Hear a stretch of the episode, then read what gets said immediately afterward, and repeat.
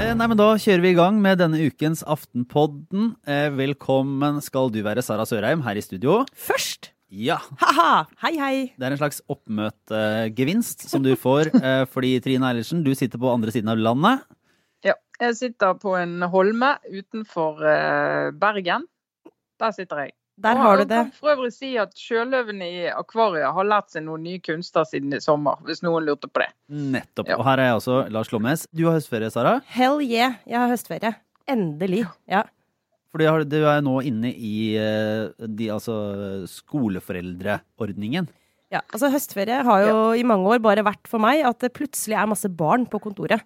Eh, særlig i den Ja. tiden før liksom, AKS og skolefritidsordning fungerte sånn som det gjør nå. Så plutselig så var det bare fullt av barn. Sånn, Hva skjer? Og så bare, Å ja, det er høstferie. Eller halvparten av kollegene var bare borte. Altså Det var høstferie og vinterferie husker jeg før jeg fikk barn. Det var irriterte meg så grenseløst. Tenkte hva er det? her? Folk kan jo ikke bare utebli en uke midt på høsten og midt på vinteren. Ja, men sånn, nå er det, nå er det nå tre er det, uker. Det er ja. bare sånn det er. Sånn må det være. Det er tre uker siden de siste kom tilbake fra sommerferie. Nå er det på tide med en ny pause. Ja, ja, ja. Altså, jeg har jo synspunkt, men eh, ja, vi får ta det. Ja, nå nyter du eh, godt av de fruktene høstferieregimet gir. Eh, dere begge gjør jo det. Så, så da er det vi andre som nok en gang blir sittende og bære børa Ja, okay. i det vanlige arbeidslivet. Men jeg bare føler at jeg må si at jeg har faktisk jobba til og med i går. Så jeg har torsdag og fredag fri, da. Det, ja. så det synes jeg, men det er, det er veldig deilig. Det er veldig pent ute nå. Ja. Nei, og det kan jo alle, alle, alle dere fine lyttere glede dere over å vite. Eh, Vi skal eh, gjennom eh, den siste dags lille bokutgivelser og politisk, semipolitiske utspill. Så skal vi snakke litt om Vidundre Viken og vindkraft. Og altså, her er det bare å knyte skolissene og, og henge seg på. Vi må jo starte med det som hva skal man si, er politisk tabloid, det, det sterkeste. Det var jo dagen i dag. Det kommer en ny bok fra Hadi Njay, altså nå kona til Trond Giske. En eh, dagbok, eller heterdagbok, eh, om eh, hva skal han si, hele Trond Giske-saken og trøbbelet i Arbeiderpartiet, sett fra innenfor de fire vegger. Er det, eh, Sara, du har jo litt mer oversikt enn det jeg har. Er det en faktisk dagbok? Ja, du kan også velge å se på det som sesong fire eller noe sånt nå, i denne dramaserien. Hvis man skal anlegge det eh, perspektivet. Men ja, det er en dagbok, og jeg sitter med den her i hendene mine nå. Jeg var innom forlaget og henta den i stad, eh, fordi det får jo vi journalister lov til å gjøre. Der lå det to bøker i resepsjonen. En til Sara Sørheim og en til Tone Sofie Aglen i VG. Som helt sikkert skal snakke om dette på sin podkast i dag. Og da tenkte jeg jo ja. Det er, vi tenker ikke helt ulikt her i bobla. Eh, dette er dagens snakkis. Det er en dagbok. Den er eh, basert på Haddy eh, notater fra da disse mest dramatiske vinterukene, da, som endte med at Trond Giske gikk av som, eh, som nestleder i Arbeiderpartiet. Og så er den bearbeida etterpå, til en viss grad anonymisert. Men den går, den går veldig tett på privatlivet. Vi er inne i, på soverommet. Uh, og hun refererer tekstmeldinger til familie, til svigerfamilie. Hun refererer tekstmeldinger mellom de to. Og veldig mye om også selvfølgelig da kontakten som Trond Giske hadde med partiledelsen. Og det som, eh, det som har kommet også fram i mediesakene i dag, er at dette er en slags Jeg vet ikke om man skal si at det er en forsvarstale, fordi at det mm, altså, det er Men det er i hvert fall en eh, versjon, eller en synsvinkel, som, eh, som jo stiller Trond Giske i et sympatisk lys, naturlig nok. og forklarer litt hvordan de har hatt det i denne vanskelige situasjonen, som utvilsomt har vært ve veldig vrient sånn personlig. Eh, og så lurer jeg litt på, da, Trine, om sånne bøker eller den type eh, utleveringer altså, Om det har noen Er det en politisk gevinst, eller er det bare en eventuell menneskelig gevinst? Og hva gjør det for Trond Giske at det kommer en, en sånn bok med hans, hans historie fortalt uh, av noen andre? Altså, du, kan se det på to måter. Det ene er at uh, denne boken holder fortsatt liv i en sak som eh, alle involverte tror jeg skulle ønske de var, i hvert fall hadde lagt bak seg og kunne gå videre med. Eh, nå vil det bli eh, nye diskusjoner, flere vil lese det eh, og bli opptatt av det igjen. Og for Arbeiderpartiet er jo dette ja, det er skikkelig gjørme å få en sånn bok akkurat nå. Men hvis du skal se det fra andre siden, da, så er jo dette, i hvert fall fra Trond, Trond Giske sin side, så er jo det enda en mulighet, sammen med dokumentaren til TV 2 i vinter, og få fortalt historien om eh, for det første hvor dramatisk dette var å oppleves for eh, han og hans familie. Men også å nok en gang få fortalt hvor hjelpeløs Arbeiderpartiledelsen var, og hvordan Hadia Tajik har agert, hvordan Jonas Gahr Støre agerte. og liksom få understreket nok en gang at partiet er ledet av, feil folk. Og Da holder du jo den debatten gående. Så er, det, så er det også litt sånn unikt at det er akkurat eh, kona hans som skriver boka. Både fordi at at du får, kommer så tett på, men også fordi at hun har en ganske ja, For det første er den godt skrevet, rett og slett. Er jo, altså, hun, er jo, hun, er god til å skrive. Eh, men hun har jo også en sånn eh, en viss distanse. Jeg må si en viss. For det er jo helt åpenbart her at hun Dette er et forsvarsskrift. Men hun klarer å reflektere, hun reflekterer egentlig ganske sånn godt, syns jeg, rundt um, uh, ting som Trond Giske selv ikke, ikke liksom ser. Da. Altså hun, hun, skriver om hvordan han ikke forstår sin egen maktposisjon, og at han ikke forstår hvilken effekt han har på folk når han går inn i et rom osv. Og, uh, og det gjør boka ganske interessant, samtidig som det er jo en meget sånn kløktig PR-strategi. Fordi hun er på en måte hans perfekte spinndoktor. For hun, hun har jo den refleksjonen som han blir anklaget for å mangle. Han blir anklaget for å være ufølsom, hun har den følsomheten. Så han kunne jo ikke drømme om en bedre person til å liksom fremme sin sak. Men det var jo også, det er jo, vet ikke, Etter hele den metoo-runden så er det jo litt og en, en, betraktning og formulering der som jeg hang meg litt opp i, som var det, var Trond Giske som hadde eh, den eh, mektige menns naivitet. Ja. Som måtte være mer eller mm. mindre et slags offer for, eh, for hvordan den vanskelige posisjonen som mektige menn står i. Eh, og det er jo kanskje en, et metoo-perspektiv som som er lettest å se hvis man står veldig tett på den mektige mannen. Da. Ja, og noe som er ganske provoserende, tror jeg, hvis du tilhører Hvis du f.eks. er en, en, av varslerne, da, eh, vil jeg anta at det er ganske sånn Ja, det, må, det, kan være sikkert også smertefullt å bare se hvordan, hvordan denne boken nå ikke sant, eh, hadde, skal på Lindmo og snakke om boka, og det blir sikkert liksom mye medieoppmerksomhet. Og så, og så bare slås det fast, egentlig uten at det går noe inn i det. Det bare slås fast at Trond Giske har ikke trakassert noen.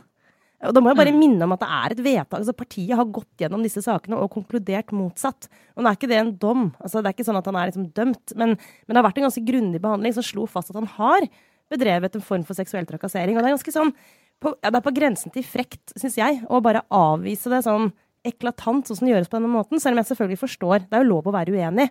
Men, men der er det kanskje en manglende ydmykhet i forhold til at dette her er en sak med flere sider. Også, ja. men, men, det er jo ikke Det kan vi ikke forvente at den boken med flere sider kan vi ikke forvente at de skriver. Nei.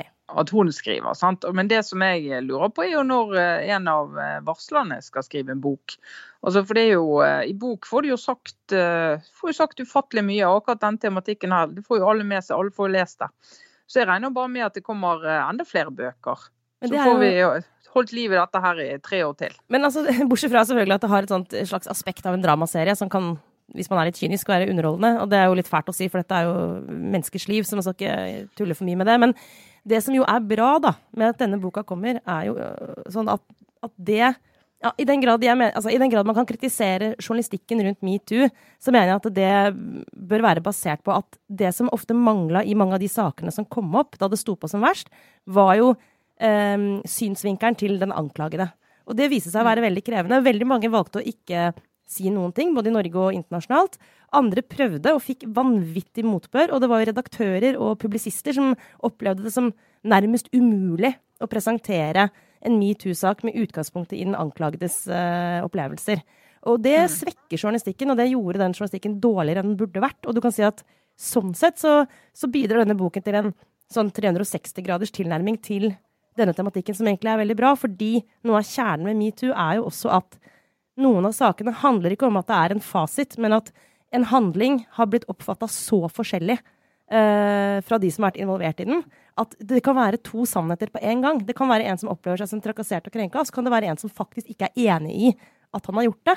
Og det, mm. det er et perspektiv som på en måte mangla litt i den diskusjonen. Men der, der vil jeg si at uh, man ikke nødvendigvis disse bøkene oppfyller kanskje deler av eh, det behovet for, for, ulike perspektiver, men eh, noe av problemet i den journalistikken var jo også at de som ble anklaga, ville enten da ville skrive en veldig veldig lang kronikk og på en måte få hele sin fortelling fortalt eh, uten forstyrrende spørsmål eller, eller andre fakta. Mm. Eh, og det hjelper jo ikke en sånn bok med, for det kommer jo på en måte igjen da som en enetale, og ikke en del av en løpende journalistisk ting der man også kan komme med nye elementer. Og det var det jo mange, mange av de som var involvert i disse sakene som, eh, som backa unna, da. Så det var vanskelig å få en dialog eller faktisk en samtale om det. Det var liksom en enetale som stort sett var ønska.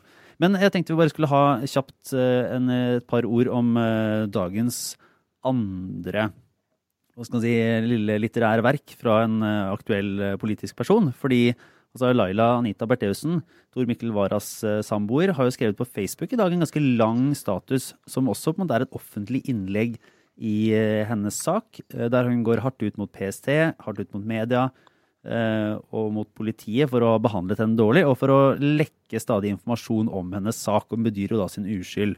Mm. Er det noe av det som kommer fram der som flytter saken hennes vesentlig i noen grad? Altså, jeg bare, altså, i, i, det er parallell til, til um, uh, boken som Hadin Enjaya har skrevet, også faktisk i det. For jeg tror ikke det flytter saken, men det flytter kanskje sympatien. Altså, og det er noe med å, å, altså det hun er anklaget for. Det, et, en sånn Facebook-status uh, hun har siktet for og kanskje blir snart blir tiltalt for, vil jo ikke endre det. Kjernen i saken ligger fast. Men det er klart at det jeg tenker når jeg leser denne boken uh, som jeg har foran meg nå, og, og når jeg leser den Facebook-statusen, er jo at den menneskelige siden ved dette har vi godt av å bli minnet om, uansett skyldig eller ikke. Eh, Og det, og, og det som med den eh, statusen til Bertheussen som er ganske sterkt der, er jo at hun hevder at det har, fore, at det har foregått systematiske lekkasjer fra eh, Dette er hennes ord, da, fra politiet og PST. Eh, Jeg vet ikke om det stemmer, men det er klart at den opplevelsen av å være rettsløs, som hun beskriver der, er jo, er jo veldig relevant at kommer ut i offentligheten, faktisk. Ja, og så er det jo eh, altså den menneskelige siden ved det. altså Vi diskuterer jo i redaksjonen så diskuterer vi hvordan skal vi omtale dette. Hvordan skal vi omtale Tor Mikkel Wara i dette? Han er ikke anklaget for noe som helst.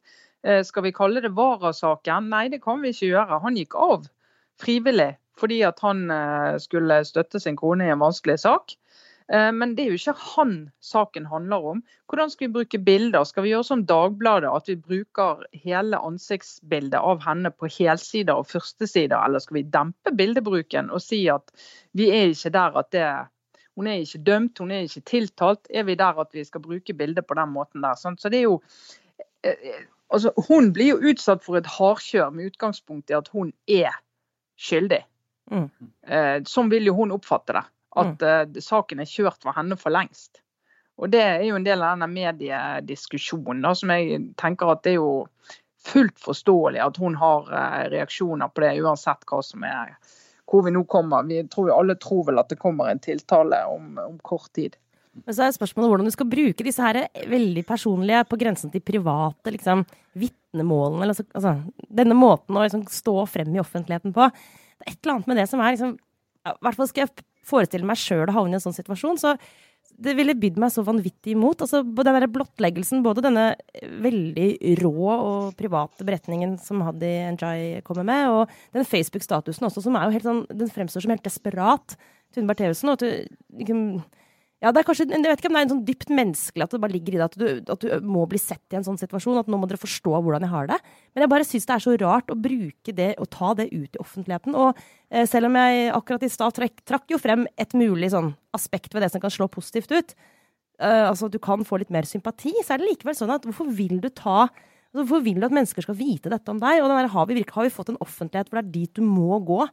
Altså, du har ikke noe valg. Hvis du skal på en måte bli møtt med sympati, så blir du tvunget ut i den der eh, rea ut din sjel-greia der. Det, I så fall så er det Jeg vil ikke si endetidstegn, men det er ikke noe godt tegn. Nei, men, men der tror jeg altså Sosiale medier er jo en del av det som driver frem det. fordi at jeg tror disse personene som er oppe i en reell krise altså det går, Hva som er grunnen til krisen, det går an å liksom snakke om. Men at du kommer i en krise hvis du er utsatt for den type omtale og mediedekning, er jo ingen tvil om. Men så ser du sosiale medier, så tror jeg de opplever at de blir beskrevet som personer av folk de aldri har møtt. Sant? Altså Folk tillater tillater seg å hjelpe meg hva som helst når de ser en sånn sak, og mener å vite alt mulig om hva som foregår i folks sjelsliv og fortiden deres og alt mulig. Så jeg tror hvis noen av disse følger med på dette, altså hvis Bertheussen har fulgt med på dette, så har hun liksom sett at hun er blitt fremstilt på en veldig spesiell måte av folk hun aldri har møtt, og da tror jeg det styrker behovet for å Ja, men jeg er ikke sånn. Det er dette som har skjedd. Eh, og du føler at det er det eneste, det er det siste sjansen du har, det er å vise din sannhet da, i dine ord. Uredigert. Så eh, vi fortsetter inn i eh, den vidunderlige verden til, eh, til regionsreformen. Eh, eh, Trine Eilertsen, Ja. et lite reformhjørne fra, fra Vestlandet. Ja. For nå er det sånn at man satte seg ned i Viken, eh, nye store regionen, eh, og ble enige, altså Arbeiderpartiet, Senterpartiet, SV og MDG, mm. og kom fram med en politisk plattform. eh, Der eh, blant annet første punkt var å legge ned Viken, eller splitte opp Viken. Altså legge ned ned seg selv, på en måte? Ja, til, tilbake til, eh, til Buskerud, Østfold og Akershus. Ja. Eh, Og eh, først da som en, eh, en eh, reformenes høye beskytter, Trine Eilertsen. Hva, Ja, hva er på en måte dommen ja. over den, denne, denne beslutningen, og hvordan, hvordan ser dette ut? Nei, altså dette, Bare for å ta det. Det er mange reformer, det er mye fornuftig. Akkurat denne er ikke det så lett å snakke så pent om. da. Men bare for å ta en liten eh, recap. Grunnen til at vi fikk regionreform, det var jo ikke et rop fra folket. Det var ikke det. Nei. Eh, Det var, det var et kompromiss mellom eh, daværende Høyre- og eh, Frp-regjering med Venstre og KrF. De sa at vi ville ha kommunereform. Og det har det vært flertall for på Stortinget i flere tiår, uten at det har skjedd noe med det. Eh, Men nå fant de ut at de skulle gjennomføre det. Greit, sa Venstre og KrF, men da skulle vi ha regionreform. For vi må sikre at vi ikke sentraliserer makt stadig mer i store sentra og i Oslo. Så vi har lyst til å dele landet opp på nytt og flytte makt fra Oslo ut til nye regioner. Og i og med at en Mm. del av fylkene er så små, så må vi slå sammen eh, fylker, sånn at vi kan få store regioner som faktisk klarer å håndtere disse nye oppgavene. Det var jo tanken. Ja, fordi at uh, KrF eh, og Venstre var redde for at du fikk liksom bare kommuner, og så staten.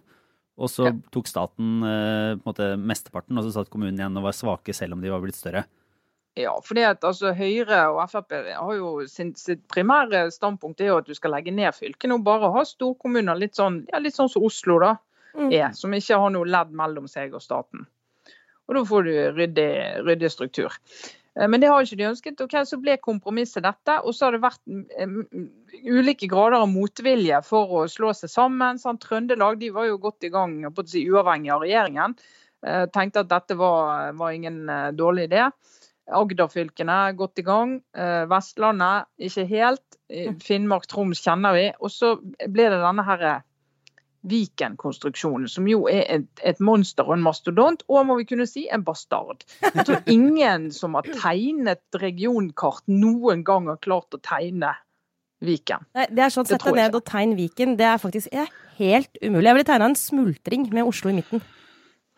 Ja, og det som har skjedd da, det er at nå har det jo Møre og Romsdal ikke slått sammen noen, Rogaland er ikke slått sammen noen, og så har du Viken. Eh, og, så har du, du Nordland. Og så har du altså det, det, Du har ikke klart å få sånne jevnstore regioner, eller i hvert fall om ikke jevnstore, men i hvert fall såpass store alle sammen at du kan faktisk overføre eh, store substansielle oppgaver ut. Der har du jo, Viken kunne fint ha tatt flere oppgaver, men de, vi skal jo ha det samme overalt, så de får jo ikke mer enn Møre og Romsdal får. Så det blir jo liksom helt Det blir en parodi av en regionreform. da, Så det er lett å forstå at den er mislikt. Men da lurer jeg på, det er jo en tradisjon i Norge for at disse store reformene, så, så har jo f.eks. Arbeiderpartiet og Høyre, som har vært de mest reformglade partiene, og, og som på en måte ofte de, de største i en regjering, hatt litt sånn fordelt litt reformer eh, mellom seg, ikke nødvendigvis bokstavelig talt, men man, man ser at ok, nå har noen gått inn for å, for å gjøre en eller annen form for eh, tenkt effektivisering av statsapparatet eller, eller strukturen, og så kommer man til neste valg, og så sier da de som tar over at altså, vi skal faktisk ikke reversere alt det her. Det vi, vi fortsetter å bygge på det som, er, eh, det som er gjort i god tro, selv om man kanskje ikke var enig i starten. Eh, og det har vært en vane. Vil det å nå gå tilbake og løse opp Viken, vil det på en måte være Er det brudd, brudd med den? Ja. Ja, det er liksom brudd, kutymebrudd. Eller er det, er det en så rar ordning at, at selv, selv, Høyre og Frp egentlig ikke bryr seg noe særlig dersom Arbeiderpartiet og Senterpartiet, SV og MDG skulle gå inn for det her? Altså, Det er jo et brudd med, med kutyme, det er det. Eh, og markant òg. Selv om man fra andre siden vil si at ja, men vanligvis når vi gjør den type gjennomgripende endringer, så har vi mer enn bare et bitte lite knapt flertall på Stortinget. Vi sikrer at vi har et bredt flertall, og det hadde de ikke. Eh, sånn at Det kan være et argument for å si at denne er så skjør, flertallet bak denne er så skjør at nå, nå, tar vi det. Men selvfølgelig det som er ulempen med å reversere, for det første så har det jo ikke vært noe rop fra fylkesnivå om å få gjort noe med noen ting som helst omtrent. Sant? Det, har, det har lunket og gått sånn som det var. Eh, nå får de en endring. og så Jeg klarer ikke helt å se for meg at det som nå skal skje er endringer, altså hvor mange folk som føler på kroppen at dette har skjedd. For de følte ikke så veldig mye på kroppen den gamle strukturen heller. Så akkurat Også, tenke jo... på det, Trine, ikke at jeg avbrøt, men bare det, akkurat tenkte på sånn, har jeg på noen som, Kan jeg vise til noe som helst i mitt liv uh, som er en konsekvens av at Viken har liksom skjedd? Kommer ikke på noen ting. Nei, altså, fordi det er jo videregående skole og litt annet eh, tjafs som fylkene har tatt seg av. Nå skal de få litt mer i regionene, men ikke så mye som du merker i hverdagen. Så, altså, jeg klarer liksom ikke helt se for meg at folk om to år når stortingsvalg kommer, skal være helt desperate fordi at de er kommet inn i en ny region og liksom føler på kroppen hver dag hvor vanskelig dette er. Det klarer jeg ikke helt å se for meg. Og da kan det bli litt sånn OK, en diskusjon bør i hvert fall komme. Nå må vi se reelt på hva betyr dette her. Skal vi bare la det ligge, eller skal vi bruke masse politisk kapital og ressurser på å snu det om enda en gang? Flytte folk ut av disse strukturene, lage arbeidsplassen fra helvete. Nettopp gjennomorganisert. Nå skal vi gjøre det en gang til. Eller skal vi bare la det ligge?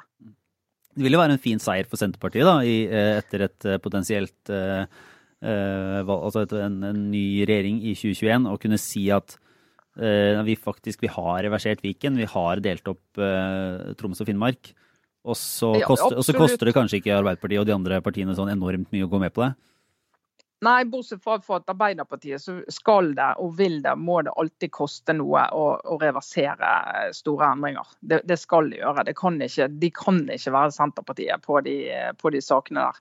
Men for Senterpartiet, herregud, de har så mange seire de skal hanke i land. De kommer sikkert til å være 35 i før vi kommer så langt, så.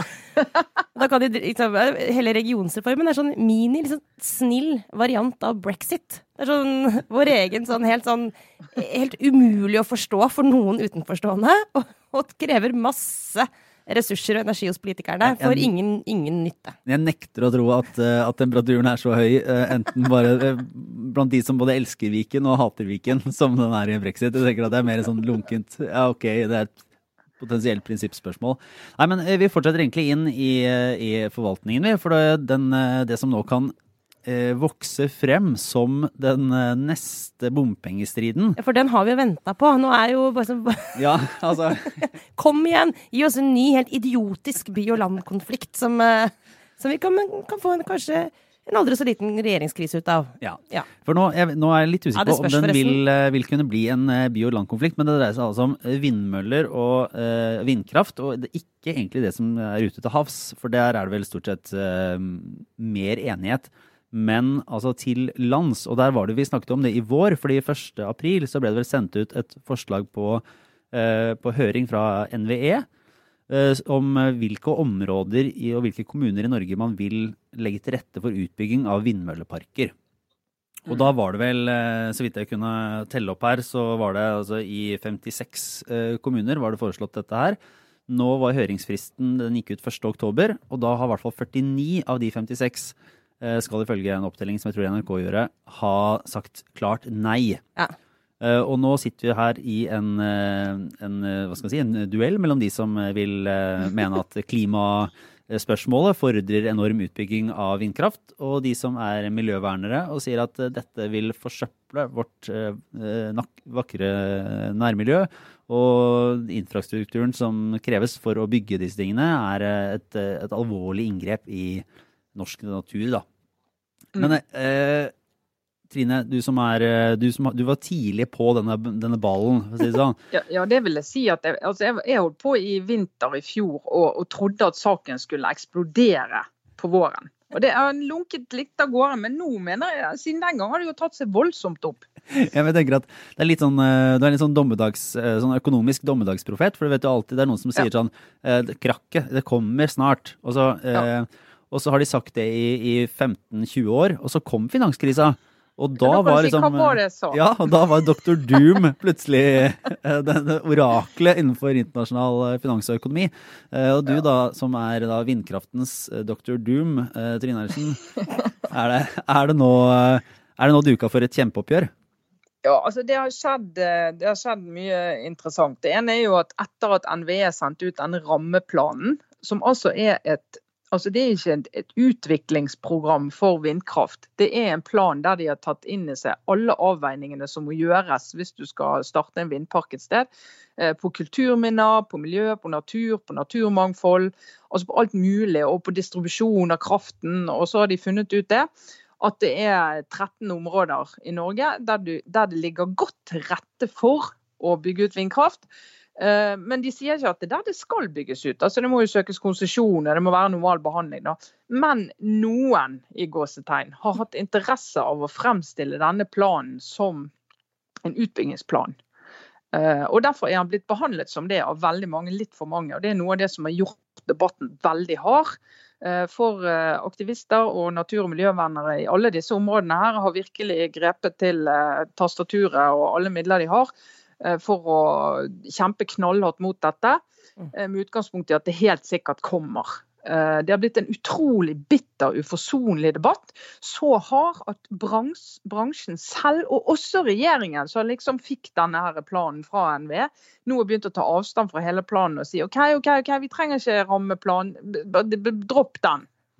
Men det er jo helt blir tragisk. bare tull av det, sant? Men for en forferdelig historie. Altså det, er helt, eh, det så ender opp med at eh, nei, vi fikk ikke bygd disse vindparkene, vindmølleparkene fordi NVE Nei, det, handler, det er ikke det som skjer da. Da er det det som skjer da, er at de sier at ja, vi skal jo fortsatt bygge ut vindkraft, men vi kommer ikke til å forholde oss til den rammeplanen. Vi får bare søke konsesjon for hvert enkelt prosjekt, sånn som vi gjorde før. For det er jo ikke det at vi ikke har bygd vindparker før. De har jo de har gått i gang Men nå, nå, eh, med det. ja, nå sitter vi begge her i, i studio og ser litt sånn spørrende, fordi ehm, er det Altså hvis ikke Ok, de har rammeplanen. Ja. uh, Mm. den er, det er en teknisk, sånn faglig vurdert ting. Det er sånn, her er noen områder, her, kan, her er, vil det være uh, Her effektivt. det rette, liksom. liksom. Her er det Ja. mulig å gjøre det.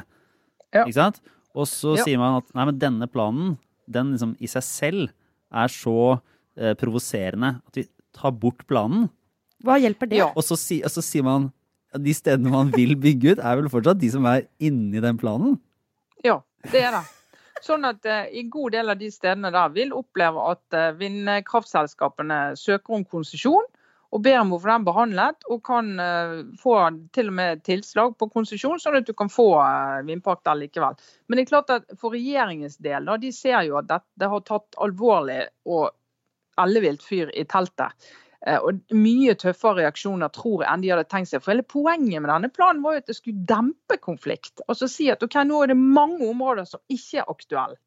De aller, aller, aller fleste Ja. er ikke aktuelle. Eh, Nå må vi konsentrere oss om de som er aktuelle, og så får vi holde diskusjonen der. Men det er det ikke. Det er blitt en nasjonal diskusjon. Går tvers gjennom mange politiske partier som er delt i to, rett og slett. Ja, Mange av MDG. miljøpartiene er delt i to.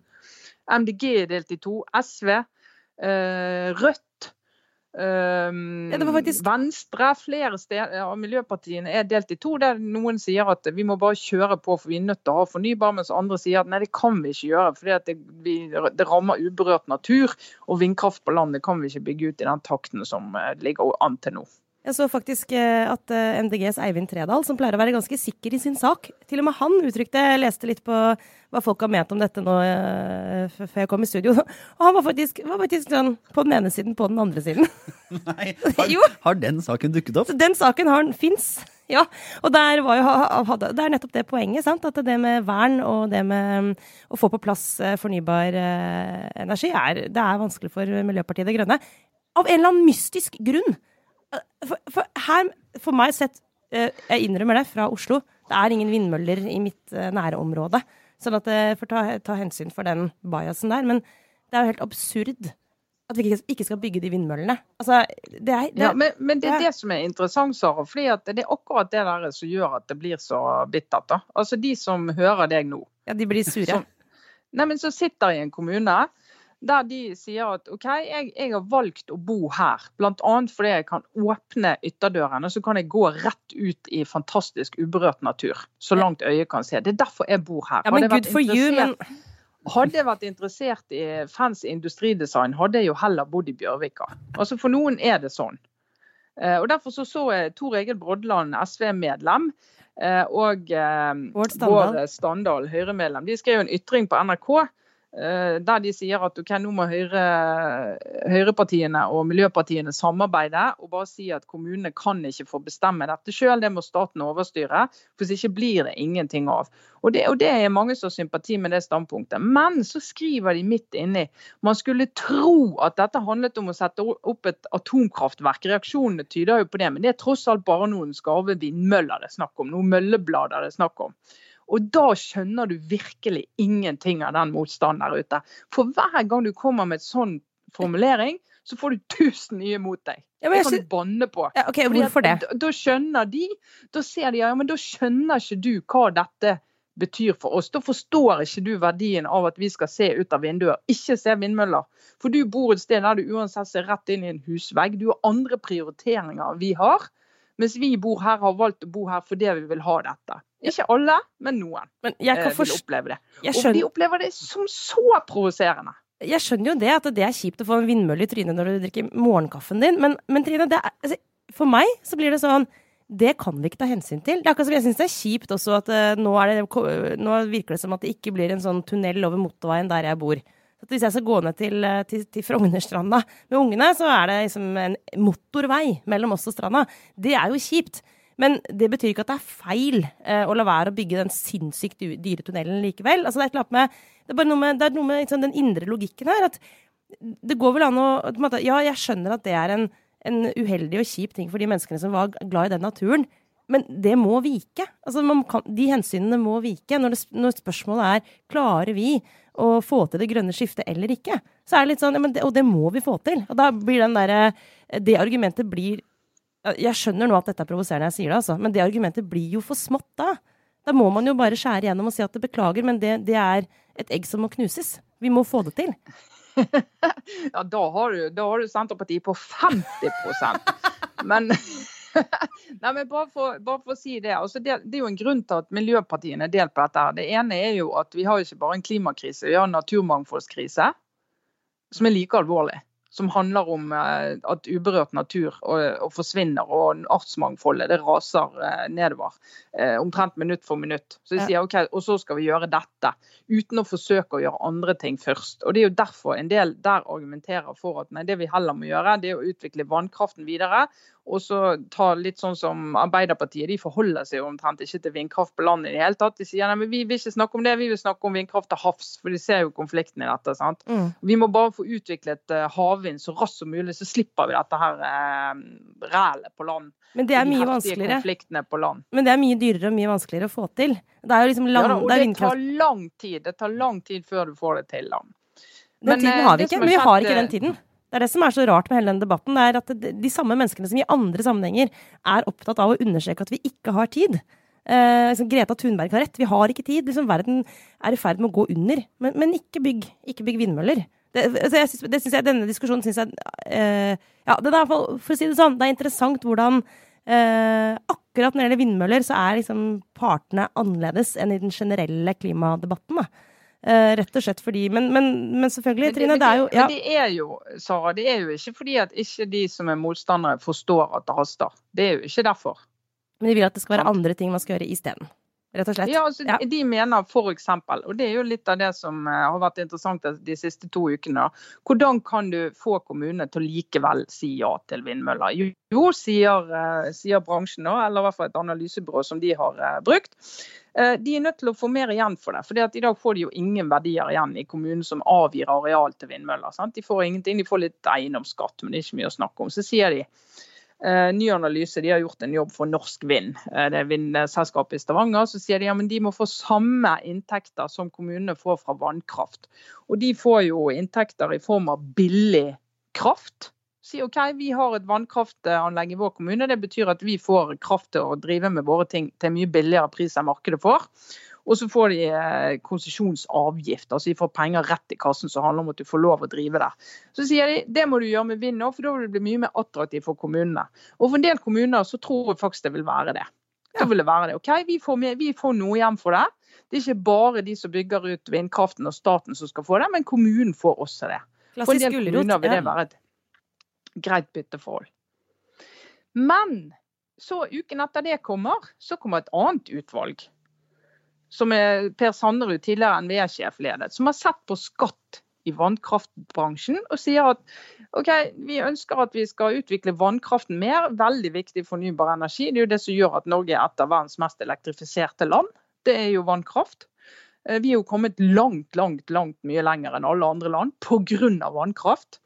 Eh, Vi må gjøre mer av det, men uten å bygge ut kanskje så mange nye anlegg. Men vi er nødt til å oppgradere de vi har. Hvordan skal vi gjøre det? Jo, vi må endre på skatteregler og gjøre at de får insentiver til å gjøre det. Og da er det akkurat de der skattedelene der de har lyst til å ta vekk. Nei! Og som går til kommunene.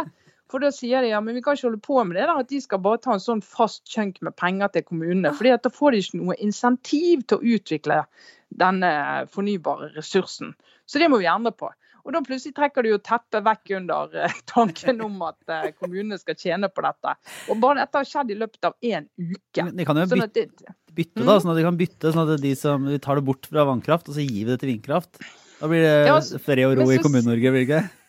Ja, og så sier jo utvalget, da, det er Sanderud-utvalget som det sikkert kommer til å bli hetende, som mange allerede har bestemt seg for å legge vekk, og Senterpartiet selvfølgelig øh, karakteriserer som en rasering av Kommune-Norge. Ja, selvfølgelig. Det også. ja. Eh, Så, så, kommer, så kommer vi jo til å komme dit at de eh, Det kommer sannsynligvis ikke til å skje det, da, for det er en såpass Men det de sier, det er at OK, staten må gjerne gi tilsvarende sum til de kommunene som hadde de pengene. Må de gjerne gjøre. Men hvis de ikke endrer på dette, så finnes det ikke insentiver til f.eks. å slå sammen eh, og utvikle små kraftverk. Fordi at de slipper jo avgift hvis de ikke produserer mer enn så og så mange eh, terawattimer. Eh, Så det sier de at kilowattimer sier de at da kommer ikke vi til å utvikle dette, for da plutselig får vi en ny skatt.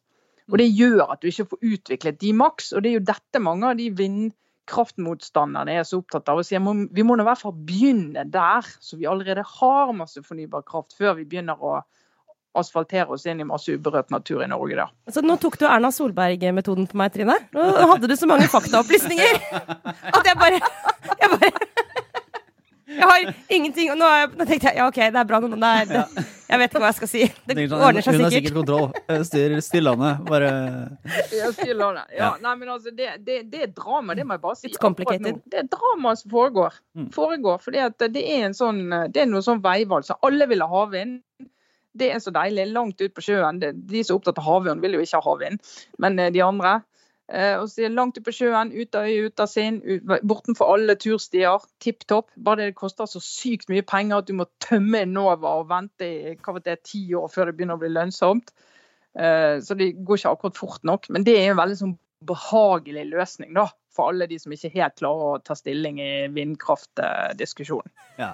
Nei, men eh, da går vi Nå, nå, vil jeg, nå, kan, nå, kan vi, nå kan vi alt om vindkraft.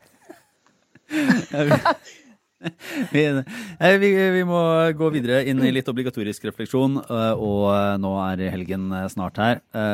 Sara, vil du starte med hva du vil tenke på? Ja, jeg tenkte først på en ting, men så kom jeg på en annen ting som jeg faktisk på ekte syntes var mer spennende. Det jeg først hadde tenkt å si, var bare å reflektere litt over at det er noe med alders... altså at de som stiller til valg nå, prøver å bli presidentkandidater i USA, er så godt voksne.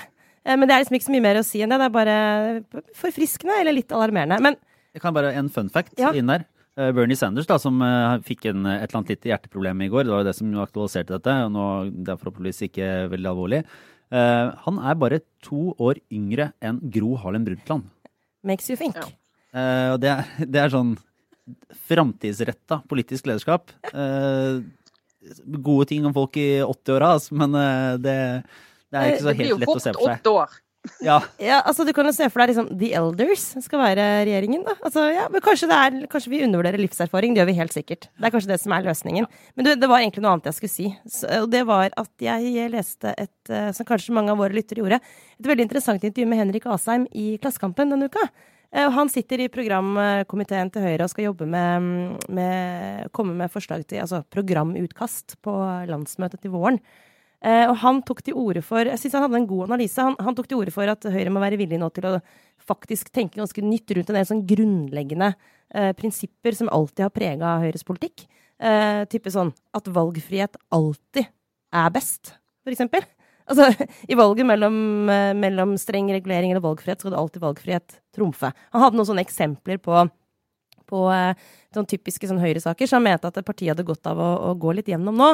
Og begrunnelsen hans, begrunnelsen hans uh, syns jeg var god. Det var rett og slett, og relativt åpenbar egentlig, da, men at uh, uh, Høyre nå befinner seg litt i samme situasjon som Arbeiderpartiet gjorde på slutten av den rød-grønne perioden.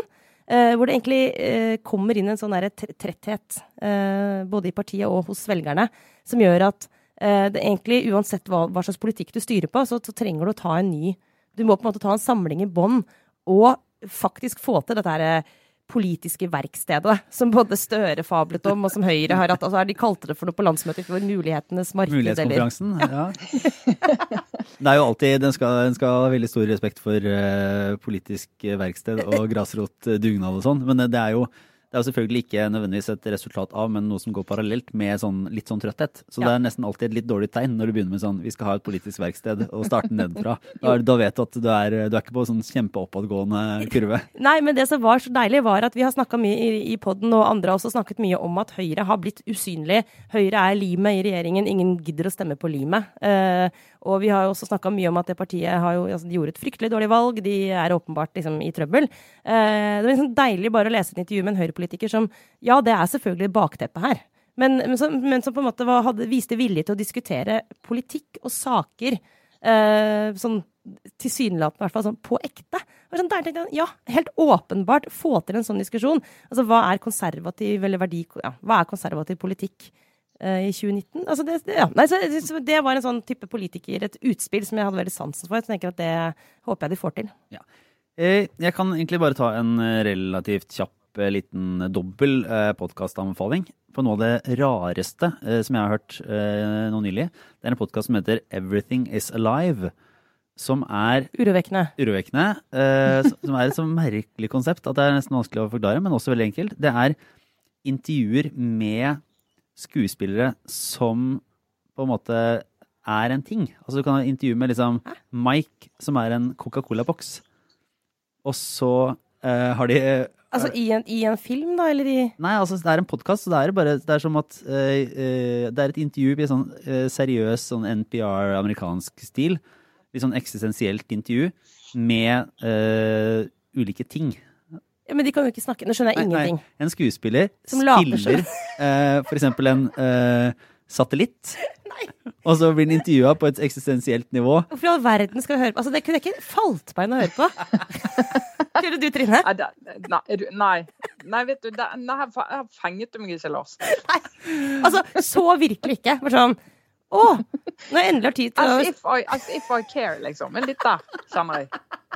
Det er litt sånn drager på TV. Nei, men nå skal, nei, nå men, skal men argumenter, Lars. Hvorfor Nei, nei, er det spennende? nei, fordi det er, eh, det er gøy når folk Jeg er, altså, liker liksom tankeeksperimenter og litt sånne eh, merkelige sånne ting. Det er veldig kort, da. Så det er sånn ti minutter. Ja, det hjelper. Eh, så det hjelper. Og så er det veldig godt skrevet. Så det er underholdende og eh, Altså, det er morsomt, engasjerende. rett og Så det er morsomt. Ok, det, det, er det er jo bra. Og så er det så annerledes alt annet at eh, det er morsomt å høre på. Nå skal jeg se om jeg kan, hvis jeg det vi av og til kan se, da, fordi vi har en så, mak så utrolig mektig forum i Aftenpodden, at når vi anbefaler ting, så skyter det opp på iTunes-listene. Okay. Så hvis vi nå i løpet av denne uka her, så skal vi se hvis, hvis de som hører på, bare laster ned, tester en episode av eh, Everything Is Alive i iTunes, så skal vi se at den er sånn kommer og, og Den kommer til å ligge opp i topp fem. Og da skal, da skal dere få spise horda deres. Eller eventuelt så får dere helt rett, da, fordi ingen andre enn meg liker det. Ja, da vant du, Lars, i så Ja, jeg kan bare helt kjapt også anbefale en ny sesong av Heavyweight, som jo er en fantastisk podkast som har begynt igjen eh, nå, med en ny sesong. Som handler om kort. Eh, det er kort eh, ved, altså om, Det er litt sånn som Elefanten. Eh, det er liksom den eh, NRK-podkasten som går tilbake i noens liv og snakker om noe som eh, på en måte har, eh, har eh, hatt stor betydning, eller er eh, noe, noe som er litt sånn uløst. Men han, eh, Jonathan Goldstein som, eh, som har lager det, er helt, han er helt fantastisk. Utrolig, utrolig god. Så det var Heavyweight. Ja. Trine? Den skal jeg se på. Nei, altså, jeg er jo i det, i det infrastrukturelt tunge hjørnet som alle skjønner. Som du alltid er, kjære. Nå er det ferie. Ja. Ja, nå er det ferie, så det, det jeg hadde lyst til å snakke om da, det var Europavei 16. Nei. Eh, Trine, nei, seriøst? E16. Eh, og da først og fremst mellom Voss og Bergen. Jeg har kjørt den nå, og jeg skal kjøre den tilbake igjen. Eh, og det, altså det som, eh, Når vi sitter inne i Oslobyen da, Sara, med trikken og T-banen og alt det der som vi er så heldige å ha, elsyklene våre og sykkelveiene, og det er så kort og det er så nært. Så hvis du bor her Vi bare kjørte bort der i dagen. Og det er 100 km vei fra Mm. Voss til Bergen. Det er ca. 40 tunneler på de 100 km med vei. Og så å si alle de foregår det arbeid i, som gjør at du kun kan bruke ett kjørefelt. Eh, Sånn at du må stoppe utenfor tunnelen, og så må du vente til ledebilen kommer, og så må du kjøre en slags kolonne gjennom tunnelet. da. Ah, dritt. Ja, forle- Forlenger reisetiden med litt sånn diverse, med tre timer faktisk. Eh, og, da, og, og dette her er jo en vei der det har gått masse ras. altså Dette her er virkelig viktig forbindelsesvei mellom øst og vest. Det er liksom mellom Oslo og Bergen. Snakker vi om den såkalte og legendariske eh, stamveien? Som jeg aldri helt har skjønt Ja hva ja er? det, det er stamvei. Det er det? på- Det finnes ja, flere? Altså, Ok. det, dette er veien du liksom kjører når du skal, hvis du skal kjøre via Hemsedal eller rv. 7 over Hardangervidda, så kjører du til Voss, for veien er liksom laget for det. Så det er denne veien du bruker. Det er hovedveien. Kan kjøre i fjorden nå, men veldig mange kjører her.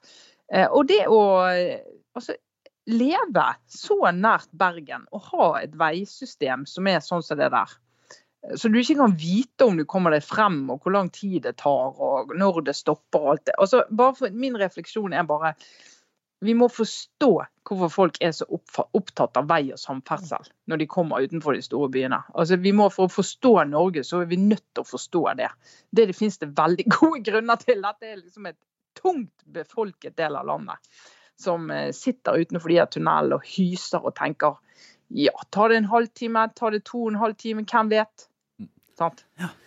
Så det var Eh, bare det. Ja, Ja. jeg kjenner sympati for det. Det skal jeg bare få sagt. Eh, og da tror jeg vi var ved veis ende for denne uka. Jeg som eh, da stolt eh, høstferiemotstander eh, skal i utgangspunktet på høstferie neste uke, men eh, vi ser om ikke vi får, til- eh, får til noe likevel. Eh, tusen takk, Trine, for at du var med fra, fra det glade Vestland. Du Ja. får følge med på infrastrukturen og logistikken og ta notater. Ja. Eh, takk, takk, Sara Sørheim. Jeg er Lars Klomnes. Det var Aftenpodden. Ha det bra. Ha det. Hei sann, en liten ekstra ting. Vi er veldig opptatt av å utvikle podkastene våre, både når det gjelder innholdet og annonsene vi tjener penger på. Eh, Derfor har vi oppretta et podkastpanel der vi vil ha med flest mulig. Da kan du gå for å være med til skipsstedpanel.no slash podkast. Eller så kan du finne en lenke i beskrivelsen av denne ukens episode. Eller så kan du gå på Facebook-sidene våre og få lenken der. Vi håper flest mulig melder seg på og sier ifra om hva som er bra, hva som kan bli bedre, hva dere absolutt ikke vil ha. Takk, takk.